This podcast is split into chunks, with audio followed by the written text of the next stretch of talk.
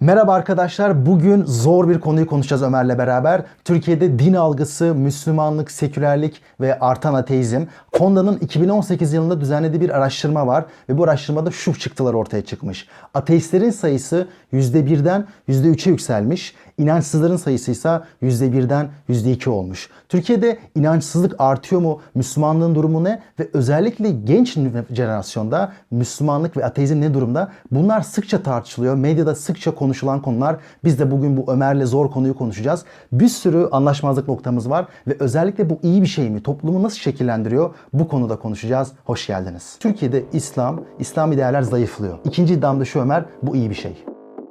Bugün siyasal İslam başarısız oldu. Başarısız olduğu için de insanlar soğudu diyorsun. Siyasal İslam çok başarılı olsaydı şey mi olacaktı? Türkiye'de insanlar dindar mı olacaktı? Çünkü 90'larda kendi çocuğunu şöyle ikna edebiliyordun. Sen eziliyorsun. Bizim gibi olmalısın. Şu an bunu kaybettin abi. Dinin yerini boşaltan bir maddi refah yok. Çünkü Avrupa'da bu var. Maneviyatı maddiyatla değişemezsin kardeşim. Boş bir çaba bu. Spiritüellik zengin adamların işidir biraz. Fakir adamın spiritüel olmaya çok vakti adam olmaz. Fakir adam fakir adam çalışır abi. Din daha baştan senin mutlu olmanı imkan verecek sosyal imkanlara erişmeni biraz zayıflatıyor. Senin mutluluk diye tanımladığın şeyler maddi şeyler Evet, ve evet, uydurma kesinlikle. şeyler. Onlar Yok, mutlu etmez insan diyorum. Kesinlikle o mutlu eder abi. Boşuna, boşuna uğraşmayın. Bugün Türkiye'de insanların %70'i Avrupa'ya gitmek istiyor. Niye abi? Gelsinler görsünler. Ay, Keşke herkes... Sen Avrupa'dan Cin- konuşuyorsun. cinkerin- Sekülerleşme insana mutsuzluk mu getiriyor? Sen öyle düşünüyorsun çünkü. Çünkü o sekülerleşme şey gibi yaptın. Yani maddi başarıyı öncelediğin zaman yani hayatının öncelikleri maddi başarılar, maddiyatla alakalı şeyler olduğu zaman mutsuzluğa mahkumsun diyorum. Türkiye'de milyonlarca insan yarın hakkında bir fikir sahibi değil. Yarın başıma ne gelecek? Hayatı kontrol edemediğini düşünüyor. Tamam eyvallah. Bunun üzerine hayatı kontrol edebileceğini düşünen belli kısa yollara başvuruyor. Astroloji mesela bunlardan biri. Ne haber Ömer? Çok iyiyim Yaşar'cığım. Bize çok yakın olduğumuzu söylüyorsunuz arkadaşlar bu arada. Evet. Yer yok. O yüzden çok yakınız. Yani Yoksa ben Yaşar'ı çok sevdiğim için ben seni, oturmuyorum. ben seni çok seviyorum. o yüzden senden ayrılmıyorum. Sen Evet. bugün nasıl bir konu açacaksın? benim sen? iddiam şu. Aynen sen Yaşar çok büyük, müthiş bir konu buldum dedi. Çok iddialı bir konu dedi. Çok tutacak dedi. Tutacak insanlar Hadi sen konuyu ediyor. aç ben merak ediyorum. Ben Özellikle bir sürü insanla hani konuştuğumda özel, gençler bana gençler deyince bir şey oluyor. Gençler, oluyor. sen kaç yaşındasın? 23 yaşındayım. Gençler kim? 10 yaşında mı? İki tane iddiam var. Birincisi Türkiye'de İslami değerler zayıflıyor. Kaçınılmaz olarak. Bunun için iki tane sebebim var. Birincisi 100 yıl önce Cumhuriyet geldi. Rejimin yapısı teokrasiden Cumhur- Cumhuriyete geldi. Bunda kaçınılmaz bir aslında sekülerleşme var. İkincisi bence en önemlisi toplumsal hayat, şehirleşme, üniversiteleşme, internet gibi sebeplerden ötürü sekülerleşiyor. Bence uzun periyotta baktığımızda Türkiye bir sekülerleşme eyleminde ve İslami değerlerin azaldığını görüyoruz. İkinci iddiam da şu Ömer, bu iyi bir şey. Türkiye sekülerleşmiyor diyen var mı? Biz neyi tartışacağız abi? Türkiye sekülerleşmiyor diyen var mı? Buna karşı çıkanlar var. Ne diyorlar? Abi bir kere hani yani iktidara bakıyorsun. İktidarda hani bir dindar nesil yetiştirme projesi var. İşte dini okulların sayısının artması, Kur'an kurslarının sayısının artması, cemaate üye olan insanların sayısının Şimdi artması. meseleye Türkiye gibi bakarsak bence yanılırız. Türkiye'nin sekülerleşmesi dünyadaki genel sekülerleşmeden farklı bir sekülerleşme değil. Yani zamanın ruhu dediğim o. Zeitgeist'ten Aynen zamanın ruhundan farklı bir sekülerleşme yok. Ben dünyanın her yerinde insanla tanıştım. Gençle tanıştım. Tamamı sekülerleşiyordu. Tamamı dedesinden babasından daha sekülerdi muhtemelen. Senin aksini gördün mü? Yok görmedim. Sen çok dindar bir insanla karşılaştın mı genç nesilde? Katılıyorum. Yani işte internet kullanımı, şehir hayatında yaşam. Bundan 30 sene önce belki Kurban Bayramı, Ramazan Bayramı ikisinde de aileyi ziyaret etmek, oradaki dini vazifeleri yerine getirmek önemliydi. Türkiye'de aile Şu an şöyle oldu bence. Bir bayramda aileyi ziyaret ediyorsun. Bir bayramda da ya tatil yapayım diyorsun. Yani aslında orada sekülerleşmeyi tamamen böyle insanlar dinsizleşme gibi düşünmemek lazım. Hani insanlar tamamen dinden çıkıyor gibi değil. Dinin senin bireysel ve toplumsal hayatındaki yeri azalıyor. Tamamen hani öyle hızlı bir radikal dönüşümün olduğunu düşünmüyorum. Ama yavaş yavaş mesela günde 5 vakit namaz kılan bir insan için sabah namazına kılmak daha da zorlaşıyor. Ortalama bir Müslüman için bir hafta cumaya gitmek, diğerki hafta ya cumaya gitmeyeyim de işte ne bileyim e, bir konferans varsa konferansa gideyim, okul varsa okula gideyim veya çalışacaksam çalışayım gibi dünyevileşmenin bir parça parça insanların hayatına girdiğini düşünüyorum. yani insanların dünyevileşmesi Türkiye kontekstinden bağımsız genel böyle hayatın kaygılarıyla işte namaz kılamayacağım veya dini vecibelerin bazılarını yerine getiremeyeceğim gibi bir sekülerleşme mi diyorsun sen? Bir Üşengeçlik mi yani? Üşengeçlik tamamen değil ama burada akan bir hayat var. Yani 100 sene önce bu kadar belli değildi. Yani dışarı çıkıyorsun, insanlar eğleniyor, dışarı çıkıyorsun, Instagram diye bir gerçek var. Herkesin ne yaptığını her an farkına varıyorsun. Eğlence hayatı, haz, tüketim bunlar çok güçlü bir noktada ve ondan kaçmak çok zor artık. Alternatifte çok bir şey yoksa mı dindarlık daha kolay diyorsun? Bir katılıyorum. Evet alternatif Bunu dinlerlik diyorsun. yoksa çok yani sen diyorsun kolay. 100 yıl önce adamın zaten e, boş vaktinde yapacak bir şey yok. Dolayısıyla namaz kılıyor sabahtan akşama kadar. Ya sabahtan akşamına kadar namaz kılıyor. Ama yok buna vakit ayırabiliyor. Evet. Bir Bugün de- artık buna vakit ayırmak mümkün değil mi diyorsun? Yani normal hayatın akışında mesela bir, ins- bir Boğaziçi'li bir öğrenci düşünelim. Dindar Boğaziçi'li bir öğrenci mezun oldu. Özel sektörde çalışıyor. Ya bu insanın düzenli namazını kılması, dini gereklerini yerine getirebilmesi kolay değil mi diyorsun? Kolay değil ve bence sadece zaman açısından değil. Hani ona verilen önem ve ehemmiyet açısından da. Ya artık sen kariyerini takip etmek, yurt dışında gezmek, bir arabaya binmek gibi e, senin hayatındaki boşlukları dolacak yeni şeyler var. Çok güzel. Bu argüman bence mekanik bir argümandır. Dolayısıyla bunun Türkiye ile bir alakası yoktur. Ha, tabii Bütün ki. dünyaya işler Tabii, tabii, aslında bu. katılıyorum. Yani Türkiye'nin bugünkü konjonktürüyle, bugünkü bağlamıyla alakasız bir şey bu. Bütün dünyada olan hani modernleşmeyle beraber hayatın daha hızlı akması, alternatifte bir sürü seçeneğinin olması ve artık dini pratiklerin zor gelmeye başlaması. Katılıyorum. Üşenme. Ama benim burada bir eleştirim daha var. Evet Türkiye dünyadaki aynı trende devam ediyor. Ama ikinci olarak da bence mevcut iktidarda bir itme kuvveti yaratıyor. Siyasal İslam'ın Buna o insanlara... kadar katılmıyorum işte. Neden? Ya bu böyle teorik olarak güzel gözüküyor. Ya işte siyasal İslam'a bakıyorsun. Siyasal İslam'ın hatalarını da belki de dine atfediyorsun ve diyorsun ki dinden soğuyacağım ben. Bu, bu dindarlar böyleyse ben bu dini kabul etmiyorum. Sen bunu mantıklı mı buluyorsun yoksa insanlar böyle düşünmüyor mu diye diyorsun. Bence de ma- mantıksız olduğunu söyleyebilirsin ama insanlar böyle düşünüyor bence. Diyorsun ki bu dinse ben bunu bu din, din bunu ben bunu düşünen diyorsun. insanların çoğu zaten dindar değiller.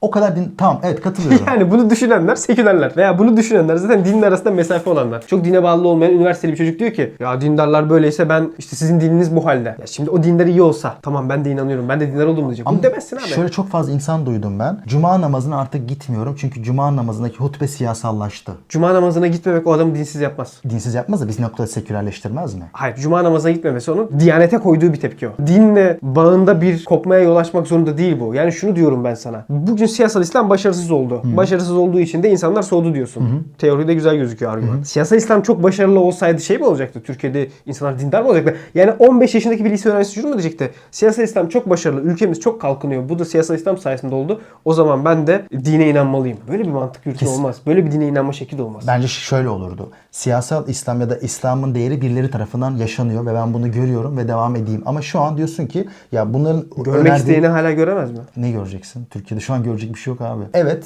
siyasal İslam çok iyi olsa kimse tutup ben Müslüman olacağım demez belki. Ama tersinde şöyle oluyor gerçekten. Ya bu siyasal İslam ya da İslamcı hükümet ne, ne varsa bu değerleri topluma zorla benimsetmeye çalıştığında ve bu değerleri pratikte uygulamadıklarında, söylemleriyle yaptıkları çeliştiklerinde ya da işte bir maden kazasında ölen işte kaderdir gibi Ekstra- İslami değerleri sürekli siyasetleştirdiğinde insanlar bir noktadan sonra ya bu din zaten siyasi bir şey diyor bazıları. Ekstra bir itme oluyor. Oluyor hocam. Ondan bahsediyorum. Ama şunu söyleyeyim ben hani bu yok ben sana çok karşı çıktığım bir şey değil. Bu teori, bu argüman çok kuruluyor. Bunu ben de zamanla düşünüyorum. Ama sonra düşününce üstüne birazcık daha detaylı şunu fark ettim. Bu sebeple hani dindar olup da dinden soğuyan insan sayısı gerçekten önemsiz derecede azdır. Anladım. Anlamlı bir kitle değildir. Yani bu eleştiri yapanların benim tanıdığım hemen herkes zaten seküler. Dediğine katılıyorum bir noktada. Evet zaten sekülerleşme eğilimi olan insanlar burada sekülerleşiyor. Ciddi fark yok. Ama özellikle 40 yaşlarında yani dinle olan bağlantısı daha gelenek düzeyinde olan insanlarda ki benim daha bizim üst jenerasyon şunu gözlemliyorum. Yani dini sorgulama açısından daha fazla malzeme verdi. Bu insanlar çünkü dini bir gelenek olarak kabul ediyorlardı.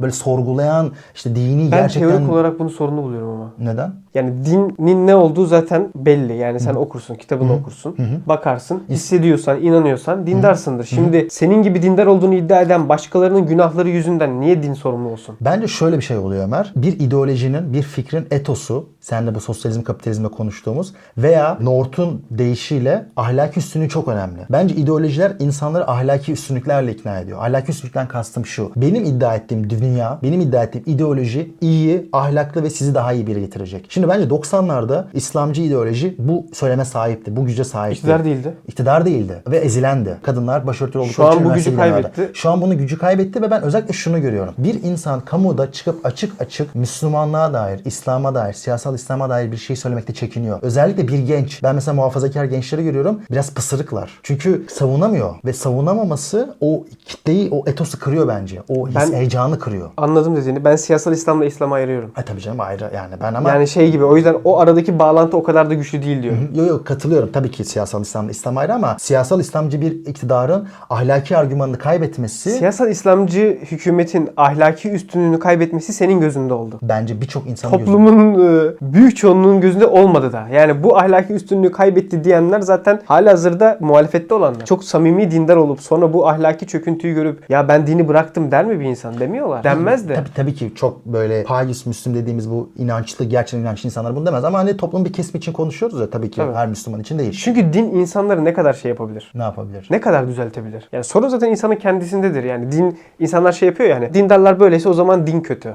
Buna katılmıyorum. Ben diyorum ki insanlar kötü. Ha, katılıyorum canım Din katılıyorum. Ama işte din bu kadar düzeltebilmiş. Öyle Anladım. düşünün. Anladım ama Bir de oradan bakalım. Yani din bile düzeltememiş İnsanlar gibi. bence bir ideolojide genelde insanlara bakarlar. Estetiğe bakarlar. Yani estetikten kastım o imaj. Kim temsil ediyor? İslam'ın temsil ettiği işte ikna edici, güçlü argümantasyon sunan biri yok. Mesela Ümit Özdağ ben sevmem. Onun sebebi biraz dinlerin demode olmasından kaynaklı. Katılıyorum. Yani dinler şu an gençleri ikna edemiyorlar. Aynen. Aynen. Ben ondan bahsediyorum. Bunun üzerine şey ekle. İşte ahlaki üstünlüğü kaybettiğini Ama bütün dinler için bu geçerli. E, tabii e, Hristiyanlık da çok ciddi bir kriz Hristiyanlık içerisinde. Hristiyanlık mı kaldı? Hristiyanlık kalmadı bile artık. Papa- Hristiyanlık krizle Papa şu an bir LGBT bile falan kurmasın. savunuyor mesela. Hani e, evrim savunuyor. Bir yandan da Ömer şunu görüyoruz. Sekülerlerin içerisinde de yoga, astroloji, medyumluk, enerji gibi böyle garip şeylere, spiritüelizme bir Spiritüelizm. izme- evet, spiritüelizme bir eğilim var. Garip bir şey. Özellikle kadınlarda bir patlama var. Değil Evet. mi? Kadınlar Ben onun sebebini şöyle görüyorum nacizane. Din normalde bir cevap verir. Bir hayatına dair bir cevap verir. Dini alıyorsun ama bunun karşılığında bence bir maddi refah vermiyorsun. Bir özgürlük de vermiyorsun. maddi refah versen de o bir karşılık olmaz. Şöyle olur. Gezersin, spora gidersin. Türkiye'de ol, bunlar hiç olmuyor Türkiye'de. Türkiye'de bir o dinin yerini boşaltan bir maddi refah yok. Çünkü Avrupa'da bu var. Maneviyatı maddiyatla değişemezsin kardeşim. Boş bir çaba bu. Avrupa'da bu var diyorsun. Osho Moşo izledin mi sen Osho'nun belgeselini? Yok izlemedim. Yine bu doğu mistisizmini en çok saranlar Avrupalılar. Türkiye'de yoga ile ilgilenenler, meditasyonla ilgilenenler, spiritüel şeylerle ilgilenenlere bak. Ekseriyetlesi orta üst sınıf kadınlardır.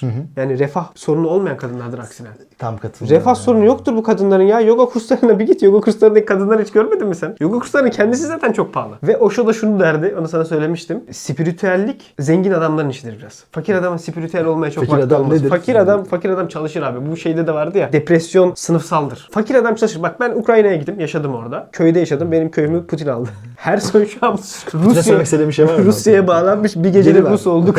Saçma sapan bir şey oldu. Neyse. Köydeki babama bakıyorum. Kaldığım evdeki babaya. Bir de kendi babama bakıyorum.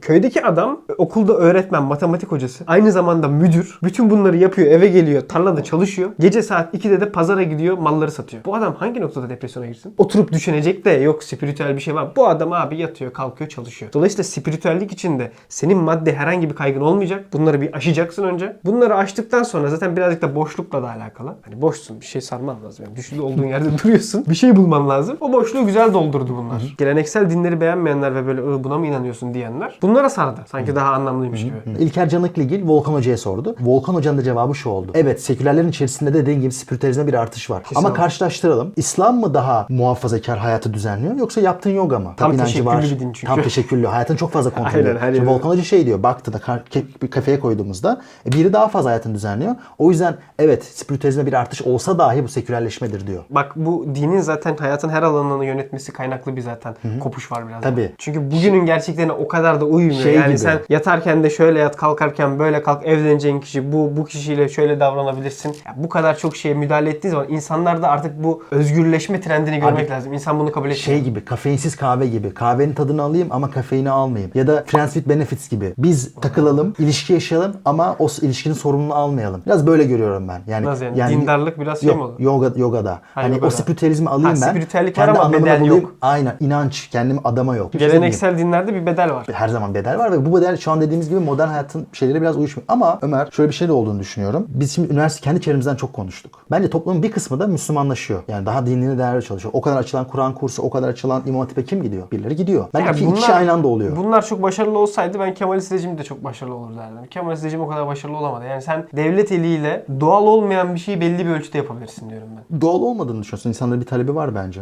Ben Şu bunu kötülemek için söylemiyorum Türkiye'de, arada. Bence Türkiye'de açılan imam hatipler, Diyanete ayrılan bütçe o kadar doğal gelmiyor bana. Fazla diyorsun ama Fazla. Yani Türkiye'de imam hatip olmalı. Ama imam hatip bu kadar mı olmalı? anladım. yani bu böyle bir talep var mı? Böyle bir talep olmayınca da imam hatipe koyduğun çocuklar imam hatipe uymuyor. Sonra diyorlar ki imam hatipler deist mi yetiştiriyor? İmam hatipler deist yetiştirmiyor. İmam hatipler haddinden fazla açıldığı için yani oraya giren çocuklar aslında alakasız çocuklar oluyor ve o çocukları sen dindar yapamazsın. Kimse kimseyi zorla dindar yapamaz. O hikayeyi bir unutun. Aile de yapamaz bak. Ona da ben sana söyleyeyim. Aile baskısıyla da dindar kolay kolay olmasın. Benim ailem muhafazakar bir aileydi. Ne oldu? Çok aşırı dindar olmadım. Senin ailen de muhafazakardır. Artık muhafazakar değiller. Artık değiller mi? Aynen. Ya genelde zaten hepimizin ailesi muhafazakardı ve arkadaşların tabii, da. tabii. Çocuklar ne oldu? Artık baskı kalmadı abi bak. Ailenin baskısı da kalmadı. Tam emin Çocuklarla değilim bağlantı çünkü koptu. ya şöyle söyleyeyim. Bu son yapılan işte rejimin, siyasal İslam'ın yaptığı şeylerin arasında ne var? İşte 8-9 bin çocuk okula gitmemiş bu pandemiden sonra. Okulu bırakmış. Özellikle kız çocukları. E, ciddi bir kısmı yer altındaki tarikatlara, cemaatlere falan filan gidiyor. Dediğine katılıyorum. Bir orta sınıf için yani toplumun %70'i için o baskı mekanizması zayıfladı. Bitti. Ama %10, %15 için de acayip bir baskı mekanizması imkanı İstediği verdi. baskıyı olsun, yapsın. 18-19 yaşında ben durmayacağım burada diyen kızı bağlasan durmaz. Elinde işi yok, Çok şeyi fazla yok. çok fazla kadının açılma hikayesini görüyorsun. Görüyorum Olmaz da. çünkü yani zorla bu bu iş artık Katılıyorum ama bir noktada şeyi kabul etmek gerekiyor. Bu verilen kaynaklar, ailelere, tarikatlara açılan alan 18-19 yaşında Bence biraz şey bir çaba. Sen tutmaz diyorsun da bir, Tutmaz. bir, kısmı, bir kısmı da şey yapıyor. DV'nin bu konuda bir videosu vardı onu izlemiştim. Bir işte Boğaz içinden birkaç insanla konuşuyor. Onların bu sekülerleşme hikayesini anlatıyordu sanırım. Bir de Diyarbakır'dan bir çocuk bulmuşlar. Kendi isteğiyle bir tarikata katılmış. Orada verdiği hikaye şu. Toplumun işte iki uca doğru gittiğini görüyoruz. Yani gençlerin bir kısmı daha sekülerleşirken bir kısmı da daha dindarlaşıyor. Ben biraz daha buna yakınım. Keşke gençler dindarlaşsa. Neden?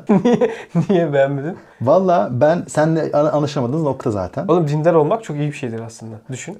Ee, dindar olmak Bütün soruların cevabı vardır. Manevi olarak hiç kuşkulanmazsın. Düştüğün zaman kalkacak bir dayanak verir sana. Keşke bütün gençler dindarlaşsa. Burada problem artık bu çağda insanların mentalitesi oraya gitmiyor. Oraya uymuyor. Yani dini mentalite insanlara uymuyor. Ben işte bu- Hissedemiyorlar. Sen de- Esas problem bu. Benim tanıdığım dindarlıktan kopan bütün arkadaşlarım kayboldu. Peki dindar olan insanlar da kaybolmuyor mu? Onlar da kayboluyor. Onlar da baskı mekanizması görüyor. Kadınlar dinden dolayı rahat yaşayamıyor. Erkekler tam olarak istediği hayat yaşayamıyor. İnanmayan adam için öyledir. İnanmayan adam için inanmadığı bir şeyi zorla yaptırtmak Çoğu zaten insan ne ona bir kadar inanıyor cehennem. zaten. Çoğu insan o kadar inanmıyor. Ben bence. şunu dedim. di- Keşke dindarlaşsa dedim. Keşke inansa. Ha, içten şey içe değil inansa. yani. Aile gelsin, devlet gelsin. Hadi hepiniz dindarlaşacaksınız desin demiyorum. İnsan gerçekten kendi kendine dindarlaşıp bu dindarlaşma sadece Müslümanlaşma değil.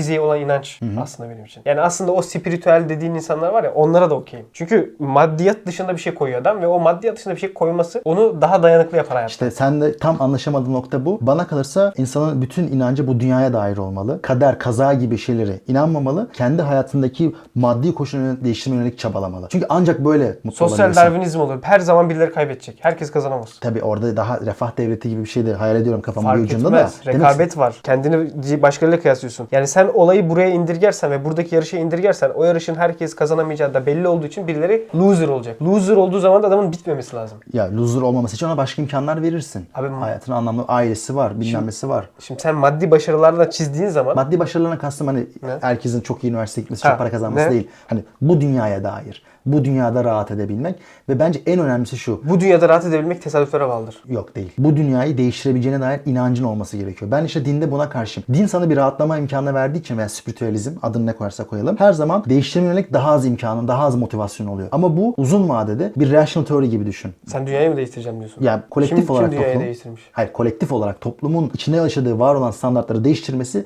bence daha önemli. İsveç örneğini vermek istiyorum. İsveç ciddi bir ateist nüfusa sahip, dindar değil ve aynı zamanda devlet çok güçlü, birey çok güçlü, toplum çok güçlü. Sen bana söylediğin istatistiği ver. Bir istatistik vermiştin bana. Ben de sonra bir soru sormuştum. Söyle. Yani İskandinav ülkeleri ilk 5 mutlulukta o mu? İsveç Aynen. dünyadaki en Dedi mutlu ki ikinci İsveç, ülke. İsveç'te bak din de yok. Herkes çok mutlu. Aynen. Ben de dedim ki mutluluk sorusuna insanlar genelde maddi durumuna göre cevap Evet, verirler. doğru, yani Türkiye'de öyle. mutlu musun dersen adam zenginse mutluyum der, zengin değilse mutsuzum der. İsveç antidepresan kullanımında nerede? Türkiye nerede abi? Türkiye'nin 10 katı İsveç. Abi Çok abi, yukarıda. Bak onun şey intihar oranlarına bak. Antidepresan oranlarına bak. İskandinavya uçmuş. Ya İskandinavların kendisi diyor bu ülke ne kadar sıkıcı, bu insanlar ne kadar sıkıcı diye. Sen hiç konuştun mu İskandinavlarla? Bence öyle şöyle bir şöyle oluyor. Herkes millet Selection bias var İsveçli kendisi İsveç'ten bıkmış ya. Selection bias var. Bizim Ne Avrupa'da ka- karşılaştığımız İsveçliler zaten İsveç'ten sıkılıp olup Avrupa'ya gelmiş olanlar. İsveç'e gitsek İsveç'i Oğlum, çok seven o hava İsveçlerle zaten, ka- o hava by definition insanı bu. Abi havanın da etkisi. Bak havayı al İsveç çok daha da mutlu olur. O intihar oranları da azalır. Bak benim dediğim şu. Ben sana onu şundan verdim. Sen diyorsun ki din mutluluk verir. Ve Gerçekten dindarsan. Tabii gerçekten dinlersen ve spiritüelsen mutluluk verir. Ben de diyorum ki Yalandan yapıyorsan din acı zaten din daha baştan senin mutlu olmanı imkan verecek sosyal imkanlara erişmeni biraz zayıflatıyor. Senin mutluluk diye tanımadığın şeyler maddi şeyler Evet, ve evet, uydurma kesinlikle. şeyler. Onlar Yok, mutlu etmez insan diyorum. Kesinlikle o mutlu eder abi. Boşuna, boşuna uğraşmayın. Bugün Türkiye'de insanların %70'i Avrupa'ya gitmek istiyor. Niye abi? Gelsinler görsünler. Ay,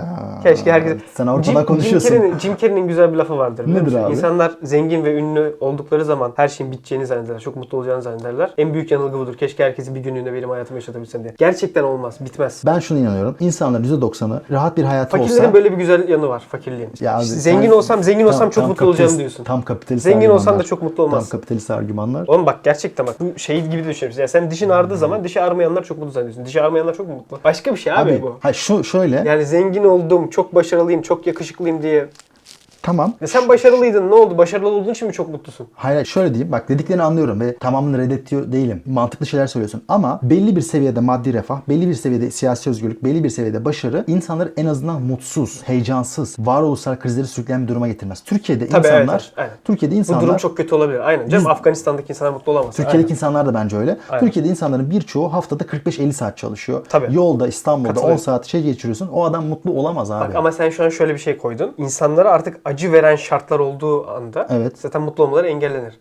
Ama bu şartlar çok uygun olsa bu tek başına insanları çok mutlu etmez diyorum ben. Anladın mı? Yani şartları çok kötüleştirirsen o insanlara net acı verir buna eminim. Şartları düzelttiğin anda herkes o zaman, kurtulmaz ama. o zaman sorum şu. Amerika'da şartlar çok iyi abi. Bakalım antidepresan kullanım oranları ne? Çok yüksek. Çok yüksek veya işte diğer e, şeyler işte konsantrasyon hapları, cartlar. Mükemmel bir toplum. Çok rekabetçi, çok maddiyatçı. Ne oluyor? İnsanlar konserte kullanımı uçmuş. Ritalin kullanımı uçmuş. Baktığın zaman çok büyük paralar kazanılıyor. Çok zevk içinde yaşanıyor. Maliyeti ne? İnsanlar psikolojik olarak ne kadar mutlu? Ama o şehirleşme ve psikolojik hastalıkların üzerindeki stigmanın azalmasıyla ilgili değil mi? Biraz Ya onlarla... onlarla da alakalı ama ben Amerika'daki insanların o yaşadığı hayatın yani o rekabet ve işte maddiyat temelli hayatın insanı çok mutlu etmeyeceğini düşünüyorum. Bence rekabet ve maddiyata bağlılık insanı geren bir şey, yoran bir şey. Bak sen kendini düşün. Ne kadar çok insanlarla rekabet edersen, ne kadar çok o başarılı olmayı kovalarsan o kadar çok kendinden yiyorsun, yoruluyorsun. Kendi etrafındaki en başarılı insanları düşün.